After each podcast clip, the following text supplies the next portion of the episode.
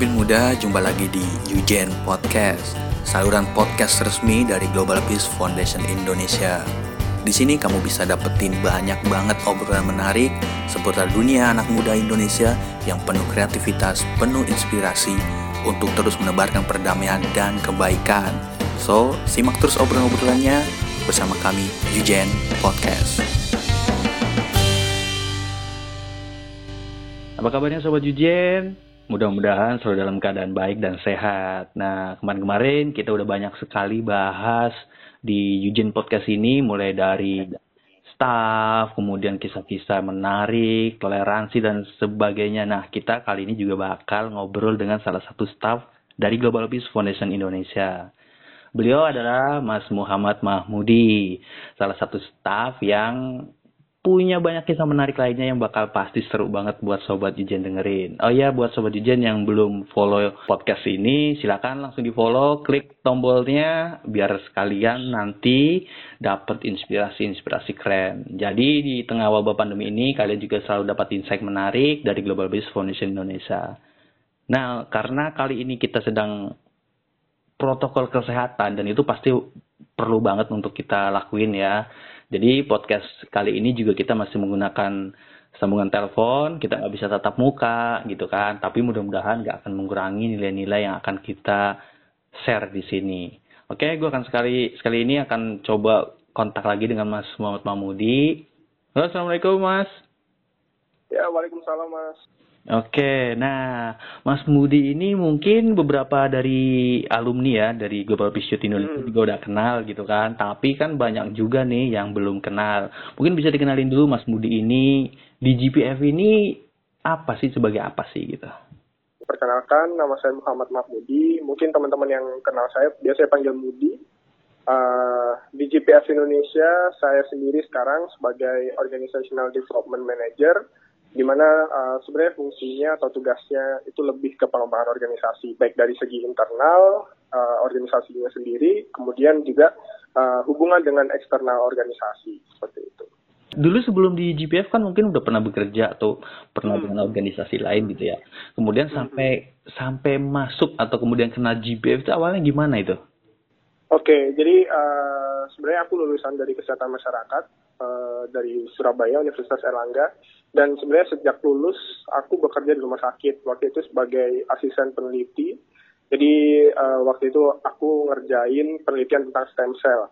Jadi yang benar-benar orang lab, orang riset, mungkin yang nggak pernah ketemu sama orang lain gitu. Uh, jarang kali ketemu sama orang lain atau orang baru atau hal baru gitu karena setiap hari yang dikerjain itu uh, hampir sama gitu setiap harinya. Nah uh, dari situ aku berpikir setiap bulannya aku nerima gaji gitu kan. Uh, terus nggak ada hal-hal baru yang bisa aku dapatkan setiap bulannya. Jadi aku berpikir untuk mungkin mencari sesuatu yang aku nggak hanya bisa bekerja mencari uh, gaji setiap bulannya tapi aku juga juga bisa berkontribusi gitu untuk untuk uh, masyarakat sekitar gitu. Karena juga sebelumnya di kesehatan masyarakat tuh emang kita walaupun jurusan IPA tapi kebanyakan kita terjunnya ke masyarakat gitu. Jadi emang emang lebih prefernya ke sana. Dan akhirnya aku berusaha untuk mencari uh, di mana aku bisa mendapatkan hal tersebut gitu. Dan alhamdulillahnya waktu itu ada rekrutmen dari uh, GPF Indonesia. Dan prosesnya juga cukup nggak uh, nggak pendek gitu. Uh, waktu itu cukup panjang perjalanannya. Jadi rekrutmennya juga berapa bulan gitu. Dan aku harus bolak-balik Jakarta Surabaya untuk ikutan tes dan akhirnya tadi 9 Juli 2016 aku pertama kali bergabung di GPF Indonesia. Oke. Nah, terus waktu pertama kali nih uh, jadi staff waktu itu ya di GPF Indonesia. Mm-hmm. Tanggapannya gimana? Maksudnya pertama kali nih di di ruang yang berbeda dengan kebiasaan yang mm-hmm. lama gitu kan. Apakah kemudian oh suasana kerjanya kok begini begini itu ada pengalaman menariknya nggak? Yang pastinya iya gitu karena mungkin sebelumnya di lab uh, terus riset yang kita mainnya sama data, kita mainnya sama apa namanya literatur gitu. Kemudian di GPF uh, eh, banyak sekali hal-hal yang harus dilakukan gitu. Otomatis waktu itu pertama mungkin aku mengalami yang namanya apa sih uh, underconfident kali ya bisa dibilang seperti itu gitu. Aku masih merasa nggak percaya dengan kemampuanku ketika pertama bergabung di GBF. Apakah aku bisa gitu? Itu kayak beberapa bulan. Dan menariknya di GBF tuh kayak kita selalu dikasih challenge, kita selalu mendapatkan apa namanya tantangan gitu untuk nge-proof bahwa kita tuh bisa gitu sebenarnya. Dan mungkin hal yang menarik di beberapa bulan pertama masuk di GPF waktu itu langsung ada GPV Camp, kemudian uh, kalau nggak salah setelah setengah tahun kalau nggak salah waktu itu kita mau ada GPC yang di Manila itu dan waktu itu kita mau ngadain audiensi dengan Ibu Puan Maharani dan aku salah satu salah satu yang waktu itu jadi PIC-nya gitu untuk komunikasi dengan orang uh, orang-orang yang uh, dari Ibu Puannya gitu. Yang mana itu waktu itu kayak mungkin orang yang baru gabung di GPF gitu kemudian masih kayak meraba-raba gitu apa yang dilakukan kita di GPF gitu. Harus ditantang dengan hal-hal yang besar seperti itu jadinya terpacu dan akhirnya kalau misalnya kita bisa dan selesai itu kan kayak oh ternyata aku bisa loh gitu jadi mungkin karena di GPF banyak tantangan dan juga di GPF juga banyak hal-hal baru yang ditemukan jadi bisa menyesuaikan dan juga belajar banyak sih dari situ oke okay. ya terus Uh, balik lagi nih di Mojokerto ya kan basicnya di Mojokerto tadi. Hmm. Uh, ada nggak maksud maksud saya itu kayak pengalaman pengalaman di Mojokerto baik dari sisi budaya yang menurut Mas hmm. ini juga akhirnya membentuk karakter gitu karena kan kadang kayak di GPF ini kan selalu menyebarkan nilai toleransi gitu ya toleransi hmm. segala macam gitu kan dan bagi sebagian orang mungkin melihat uh, ada yang kemudian bisa bisa beradaptasi dan melakukannya dengan baik karena dia kemudian belajar hmm. atau dia punya pengalaman gitu mungkin dari Mas Mudi ada pengalaman menarik gitu yep. Uh, mungkin aku banyak belajar gitu kalau misalnya toleransi dari bah aku mas dari nenek hmm. dari ayah. Dia itu seorang pedagang waktu itu dia uh, berjualan baju di pasar. Jadi uh, dia tuh punya banyak teman gitu. Terutama kalau di pasar kan emang banyak orang Chinese terus orang Madura gitu. Dan kebetulan keluarga dari ayah tuh sebenarnya kayak Muslim yang Muslim yang gimana ya yang terlalu bukan terlalu sih Muslim yang cukup inilah cukup kental lah gitu karena uh, dari keluarga ayah juga uh, beberapa saudaranya punya pesantren dan Islamnya tuh yang Islam lumayan kental gitu. Tapi dari nenek aku aku belajar gitu dia bisa berteman dengan siapa pun, dia bisa bergaul dengan siapa pun dengan teman-temannya yang uh, orang Chinese gitu. Karena di sini banyak, banyak orang Chinese, banyak orang Madura gitu dan kayak menganggap mereka tuh ya sama gitu. Ketika di pasar juga bertemannya juga sama gitu. Dan dan bisa membaur seperti seperti apa namanya nggak ada batasan gitu di antara mereka. Jadi aku banyak belajar dari nenek aku. Kemudian juga uh, ayah juga uh, seorang ini ya punya usaha dan emang banyak bergaul dengan punya teman-teman yang orang Chinese, orang Madura gitu. Jadi udah terbiasa gitu dari kecil apa namanya mungkin berinteraksi dengan dengan orang-orang yang mungkin beda culture dan juga beda budaya. Dan menariknya uh, kayak silaturahminya tuh lebih dari seorang teman atau atau mitra usaha gitu. Jadi mungkin ketika mereka punya acara atau punya hajat gitu, kita udah kayak keluarga sendiri gitu dan dan kita datang ke tempat mereka membantu mereka gitu. Jadi emang emang banyak belajar sih dari uh, orang tua dan juga sesepuh sebelumnya di sini. Oke, dan dan nilai-nilai itu masih masih terasa kuat ya di Mojokerto ya? Ya, betul, betul. Terutama kan dari sejarahnya kalau kita bi bisa bilang historinya, dulu ketika apa namanya kerajaan Majapahit juga sebenarnya Islam sudah masuk gitu kan di sini dan dan kita masih bisa hidup berdampingan agama Hindu kemudian agama Islam gitu. Dan mungkin kalau misalnya bisa dilihat uh, dulu masa kerajaan Majapahit juga udah ditemukan gitu apa namanya makam-makam Islam dan sebagainya. Dan dan masih sampai sekarang sih di sini tuh orang Hindu orang Muslim masih bisa berdampingan termasuk mungkin uh, salah satu tempat yang cukup apa namanya terkenal ya di Mojokerto itu ada patung Buddha tidur. Itu adalah uh, vihara ya kalau bisa dibilang di sini.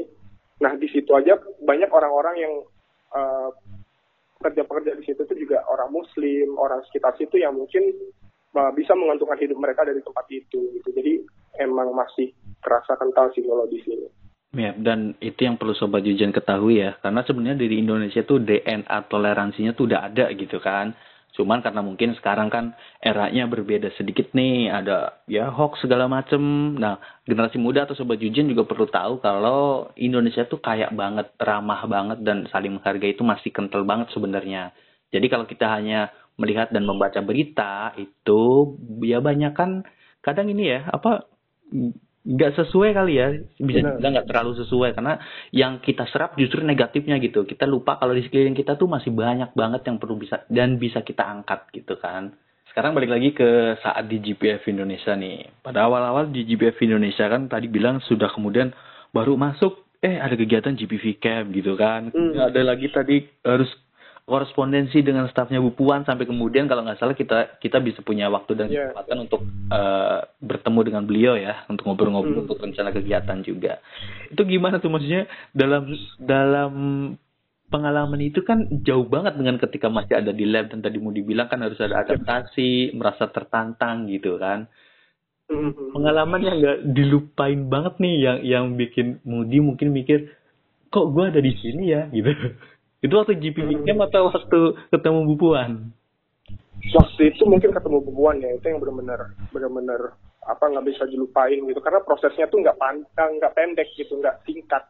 Kita untuk bisa ketemu sama setara menteri itu ternyata butuh waktu yang luar biasa ini ya menuntut kesabaran gitu. Karena namanya menteri ketika sewaktu-waktu dia dipanggil presiden atau punya hal-hal urgent walaupun kita udah dijadwalkan uh, mungkin bisa aja kayak H-5 menit tuh uh, jadwal kita dibatalin gitu. Dan itu terjadi beberapa kali waktu itu sampai akhirnya kita bisa ketemu sama Ibu Puan gitu. Dan dan ya itu sih uh, apa namanya berubah-ubah jadwalnya terus uh, apa namanya nggak ada pasien gitu kapan kita bisa ketemu Puan itu yang cukup cukup ini sih cukup lumayan bikin kita lebih belajar untuk sabar sih ya, ya anti apa akhirnya gitu. Oke. Okay. Dan kalau nggak salah dulu itu uh, sebelum di development ini kan di organizational development yep. ini kan Mudi kan di kepemudaan ya. Artinya kemudian uh, membimbing teman-teman chapter-chapter kita Global Vision Indonesia di beberapa hmm. daerah. Nah itu bisa diceritain nggak gimana kemudian uh, bertemu dengan teman-teman dari luar Jawa dengan beragam latar belakang, membimbing hmm. mereka itu gimana tuh? Ya, pertama sih jadinya saya lebih bersyukur, saya bersyukur gitu karena bisa dapat kesempatan ketemu sama teman-teman dari seluruh Indonesia yang luar biasa gitu. Dan kedua, saya bisa melihat bahwa Indonesia tuh masih punya hope gitu, masih punya harapan gitu. Ternyata ketika uh, selama mungkin sekitar dua tahun yang saya di kepemudaan, saya melihat masih banyak teman-teman anak-anak muda Indonesia yang mungkin masih punya pemikiran untuk bisa mereka juga berkontribusi gitu untuk untuk bangsanya gitu terutama untuk untuk perdamaian gitu.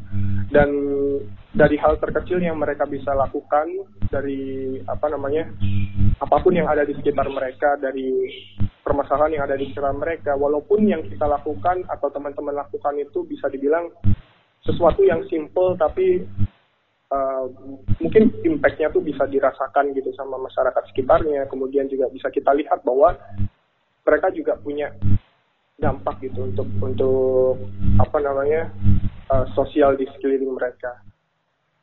Oke, dan selain itu juga kan beberapa kali ada kegiatan bareng dengan teman-teman dari luar negeri ya kalau nggak salah ya. Ada, Benar, ada exchange gitu ya. Itu. Uh, itu gimana tuh? Ya, yang pastinya uh, saya selalu akan mengucapkan selalu bersyukur gitu dapat kesempatan-kesempatan seperti itu. Um, yang kedua, mungkin uh, kita bisa memperkenalkan gitu bahwa Indonesia punya punya keberagaman dan kita bisa merawat keberagaman itu dan ini adalah best practice yang luar biasa ketika kita tunjukkan ke teman-teman internasional atau teman-teman uh, dari negara-negara lain. Mungkin kalau misalnya uh, kayak di Filipina gitu. Mereka mengatakan mereka punya 7.000 pulau. We have kita punya 17.000 pulau gitu dengan dengan etnis dan juga kita punya apa namanya keberagaman bahasa keragaman suku yang cukup banyak gitu dibanding mereka gitu. Dan akhirnya kita lah jadi kayak semacam duta-duta uh, memperkenalkan Indonesia tuh kepada mereka. Kita punya nilai-nilai Pancasila yang yang mereka juga sangat sangat umis gitu dengan dengan prinsip yang kita punya gitu di Indonesia. Dan personally mungkin dengan pertemuan-pertemuan itu akhirnya aku punya banyak teman-teman uh, internasional teman-teman dari luar negeri yang mungkin sampai sekarang itu bisa bisa dibilang sampai dekat dekat banget gitu.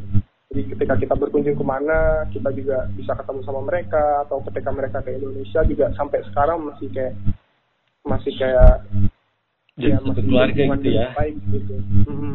Ya karena di sobat jujur perlu ketahui karena di GPF sendiri kita punya visi one family under God. Artinya ketika ada teman-teman lain atau dari siapa pun itu kita selalu menganggap orang itu sebagai sebuah keluarga gitu kan. Ya, benar. Dan menganggap sebuah benar. keluarga artinya ya pasti kita akan menjaga, menghormati dan melindungi yang namanya juga keluarga gitu. Nah di GPF ya, juga selain itu tadi diajarkan tentang adanya dream big atau mimpi besar gitu. Dan di sini biasanya kita melakukannya melalui challenge atau tantangan-tantangan itu. Apakah kemudian impian yang besar itu bisa kita raih gitu kan. Nah, salah satu mimpi terbesar Mudi ini apa nih? Dalam dalam bidang ini ya uh, di GPF Indonesia nih. Yep.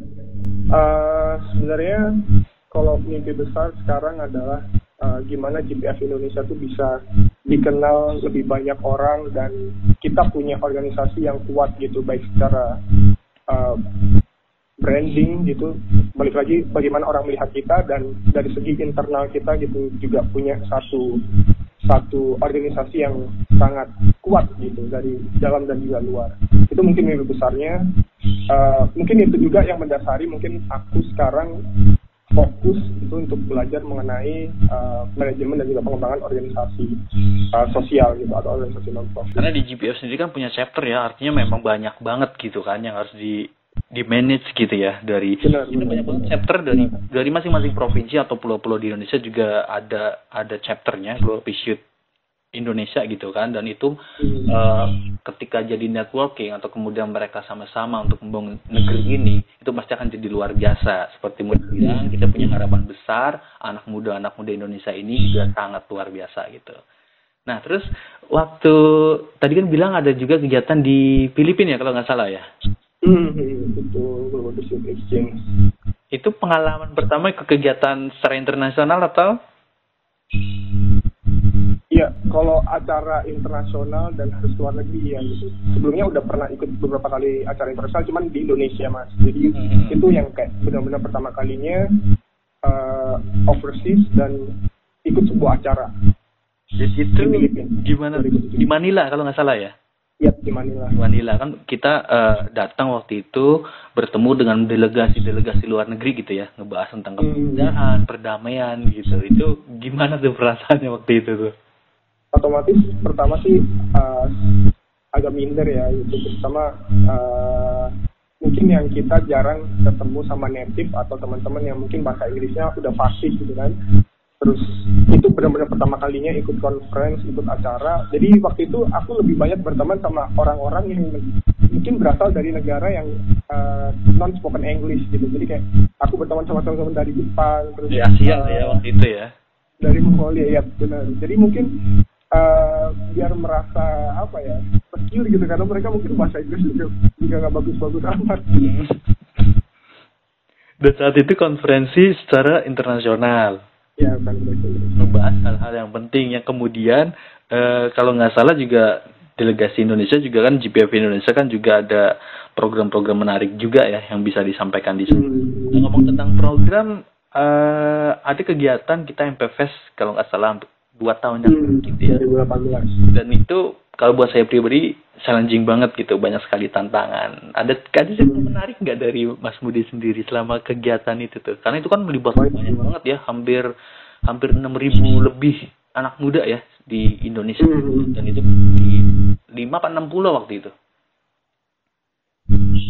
Kita ada, ada kisah yang yang bener-bener nggak bisa dilupain gak banyak sih banyak. Uh, Gak apa banyaknya mungkin ya karena kalau saya pribadi kemarin kan wah di kegiatan yang MPFS ini benar-benar tuh ngebuka mata kalau ternyata di Indonesia tuh begini begini dan kita ya harus harus harus mengakui kalau ada oknum-oknum yang memang uh, kita anggap kurang sesuai lah ya dengan nilai Hmm. bangsa ini gitu kan. Iya, iya, iya. Sekaligus itu juga jadi misi kita untuk mengenalkan bahwa Indonesia itu ya rumah untuk semuanya gitu, bukan hanya untuk satu golongan, dua golongan. Itu challenge banget buat saya waktu itu. Iya benar benar benar. Apalagi ya, gimana kita bisa deliver. Waktu itu kan kita juga berpartner sama eh, beberapa kampus ya, 6 kampus kan dengan 18 sekolah gitu. Mhm. Ada beberapa mungkin karena aku terlibat dari awal gitu ya, benar-benar apa namanya eh, yang approach ke kampus gitu untuk pertama kalinya eh, sebelum sebelum kita set acara dan sebagainya. Mungkin Mas Sofan juga mengalami gitu penolakan di sekolah dan sebagainya. Ada challenge di situ. Mungkin beberapa kali juga untuk kampus karena mungkin waktu itu aku sama Katia yang eh, meeting-meeting gitu. Eh, ada beberapa challenge di beberapa kampus yang mungkin eh, waktu itu aku hadapi gitu sampai waktu itu mungkin di salah satu kampus aku nggak mau sebut namanya aku harus nungguin di depan ruang rektornya dan kita kucing-kucingan gitu sama dia waktu itu dimarahin juga pernah sama apa namanya sama sekretaris rektor kalau nggak salah karena kita cukup memaksa buat ketemu sama si rektornya. Oke. banyak lah sebenarnya termasuk belum nanti eh, beberapa cerita ketika kita eh, waktu itu udah implementasi seperti kita eh, menghadapi kontroversi waktu di Palangkaraya terkait sama logo dan sebagainya.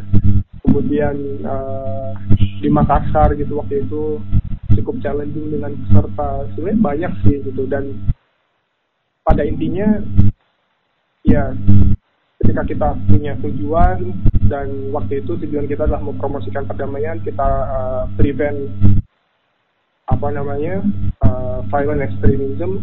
Tapi di luar sana ternyata masih banyak orang-orang yang mungkin selain selain apa namanya pro dengan dengan hal-hal yang seperti ini ternyata masih banyak beberapa orang yang mungkin jadi PR kita gitu untuk bisa bisa raise awareness mereka atau bisa change mereka punya mindset tentang hal-hal yang seperti ini gitu. Jadi PR kita masih banyak sih kalau menurutku. Karena di luar sana mungkin kita terlihatnya tenang, kita terlihatnya eh, hidup rukun gitu. Bisa jadi kita hidup rukun, kita hidup tenang tuh karena mungkin orang acuh tak acuh gitu. Tapi ketika ada sedikit pemantik atau sedikit apa namanya api gitu, akhirnya kita cepat terbakar gitu. Karena orang-orang kita ya itu tadi mungkin kita kar kita damai karena sudah terbiasa gitu. Bukan kita damai karena kita eh, hasil dari apa yang sudah kita alami sebelumnya gitu. Jadi mungkin ya itu PR kita masih banyak. Ya, kayak seperti di episode podcast sebelumnya dengan Mas Huda waktu itu, eh, potensi untuk konflik di Indonesia itu masih besar. Tetapi Benar. sebenarnya potensi damainya jauh lebih besar. Hanya saja kadang eh, kita kan ya butuh namanya critical thinking, kita butuh pengetahuan, Iya, bla bla. Itu memang PR kita semua ya, PR di gak hanya di Global Peace Foundation Indonesia, tapi juga buat sobat Yujen yang dengerin podcast ini. Kalau kita tuh harus jangan pernah berhenti untuk menyebarkan nilai-nilai perdamaian, mengajak orang lain untuk terus, ayo dong kita bisa kok untuk menjaga negeri ini gitu. Nah, di salah satu kegiatan eh, GPF itu juga ada namanya eh, apa kita bilangnya ya kayak semacam ikatan nih kayak alumni gitu kan Hmm. Eh sobat Jijen perlu tahu gitu kan di Indonesia kan juga banyak sekali nih di, di GPF Indonesia ya. Itu sudah banyak sekali anak muda yang jadi alumni kegiatan eh, Global Peace Foundation Indonesia baik di daerah maupun kegiatan di internasional. Nah buat Mas Mudi sendiri nih harapan besarnya untuk mereka-mereka yang ya mungkin entah sekarang ada di mana gitu kan dan kebetulan denger podcast ini gitu. Harapannya gimana ya harapannya yang pasti uh, teman-teman bisa tetap menjadikan One Family Under God ini sebagai pedoman di mana pun teman-teman berada. Kemudian tetap giving for greater good dan living for others. Jadi uh, intinya teman-teman adalah uh, menjadi seseorang yang tetap mempertahankan apa yang sudah uh, teman-teman dapatkan gitu. Selama bergabung di GPF Indonesia value-value-nya kemudian visi dan juga misinya. Dan yang pasti harapannya sih teman-teman bisa tetap berkontribusi untuk masyarakat. Dan mungkin harapan secara organisasional uh, harapannya sih teman-teman bisa juga terlibat gitu masih masih engage gitu dengan GPF Indonesia untuk masih bareng-bareng dengan kita untuk bisa terus menebarkan perdamaian di seluruh Indonesia. Oke, nah Sobat Jen, uh, di di GPF Indonesia itu nggak ada istilahnya bekas atau mantan ya. Karena kita yeah. ketika sebuah keluarga ya udah jadi keluarga gitu. Artinya alumni dari tahun kapan pun karena GPF itu kan dari 2010 ya di Indonesia ya. Yeah. jadi itu pasti udah banyak banget ribuan dan kita masih tetap jadi keluarga gitu. Dan sekarang ada juga program uh, membership. Membership ini maksudnya adalah kita ingin mendata lagi teman-teman keluarga kita yang dulu pernah uh, engage dengan GPF mengikuti program kakak-kakak alumni gitu kan. Biar kita tuh uh, jadi tahu gitu. Kita bisa kolaborasi lebih besar untuk Indonesia juga gitu kan. Nanti uh, sobat Jujen bisa uh, daftar nanti bisa dapat ID juga. Itu bisa ke kepoin aja di Instagram GPF Indonesia. Di situ nanti ada postingan tentang membership card ID-nya jadi teman-teman atau sobat Jujen ini nanti dapat ID yang bisa buat kegunaan nantinya di kegiatan GPF ya. Oke. Nah ngomong-ngomong Mas Mudi ini kalau nggak salah beberapa waktu lalu kan positif COVID nih. Iya mas. Iya. Alhamdulillah sekarang udah sembuh dan ini jadi shock juga nih buat para staff juga gitu kan. Kan sebelumnya kan kita sempat meeting, kita sempat hmm. gitu kan. Terus tiba-tiba dapat berita kalau Mudi positif COVID-19 dan harus dirawati. Hmm. Atlet kalau nggak salah ya. Iya yep, benar. Nah itu gimana sih sampai kemudian tahap-tahapnya gimana sih? Iya, jadi uh, tapi jangan jangan full ya karena kan nanti ada sesi sendiri nih. Oke, okay, jadi intinya sih uh, untuk tahu sampai gimana bisa kena tuh sebenarnya kita nggak pernah bisa tahu gitu karena mungkin sebelumnya di lingkungan aku juga nggak ada yang uh, terkonfirmasi positif gitu ataupun yang mungkin hasil rapidnya uh, reaktif gitu jadi mungkin kalau misalnya di dressing belum ada sama sekali yang ketahuan gitu di, di beberapa hari sebelum aku terkonfirmasi positif gitu.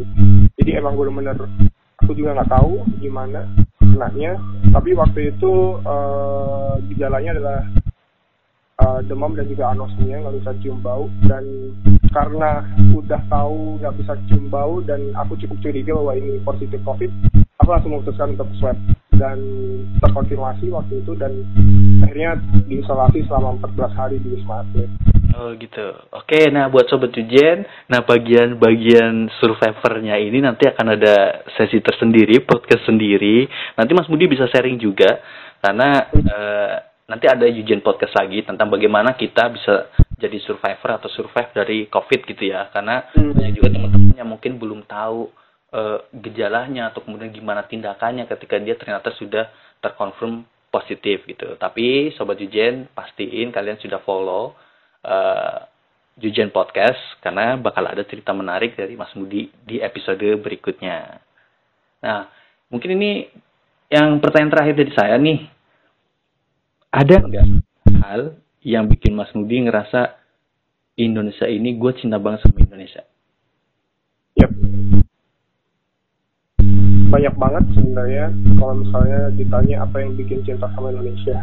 Makanan yang pasti terus uh, alamnya yang luar biasa indah kemudian keberagamannya uh, budayanya kemudian uh, apa namanya uh, etnis dan sebagainya itu yang membuat mungkin ketika kita berada di Indonesia tuh kayak merasa belum belum ngerasa uh, benar-benar cinta gitu. Cuman ketika kita berada di luar negeri, kemudian kita ketemu sama orang-orang yang ada di luar sana dan mungkin lama berada di luar negerinya, baru kita kayak ngerasa benar-benar kangen sama Indonesia dan kecintaan kita dan nasionalisme kita tuh lebih, lebih banyak di sana gitu ketika, ketika kita berada di uh, luar Indonesia gitu dan mungkin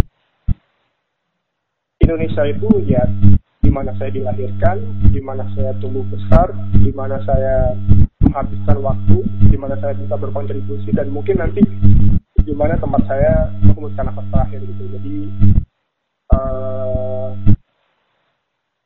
kalau bisa dibilang betapa cintanya sama Indonesia ya saya cinta sekali gitu. Dan banyak mimpi besar untuk Indonesia yang mungkin harus saya wujudkan dari sekarang dan ya bagaimana saya bisa berkontribusi untuk bangsa ini jadi sesuatu yang mungkin harus saya uh, jadikan mimpi dan uh, take action untuk itu.